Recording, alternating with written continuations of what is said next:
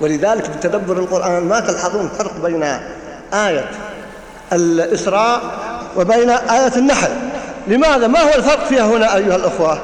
الفرق أنه في آية النحل قال الله جل وعلا عن العسل فيه شفاء للناس لاحظوا قال عن العسل فيه شفاء للناس بينما قال عن القرآن. قل هو للذين آمنوا هدى وشفاء. وفي سورة الإسراء. وننزل من القرآن ما هو شفاء ورحمة للمؤمنين.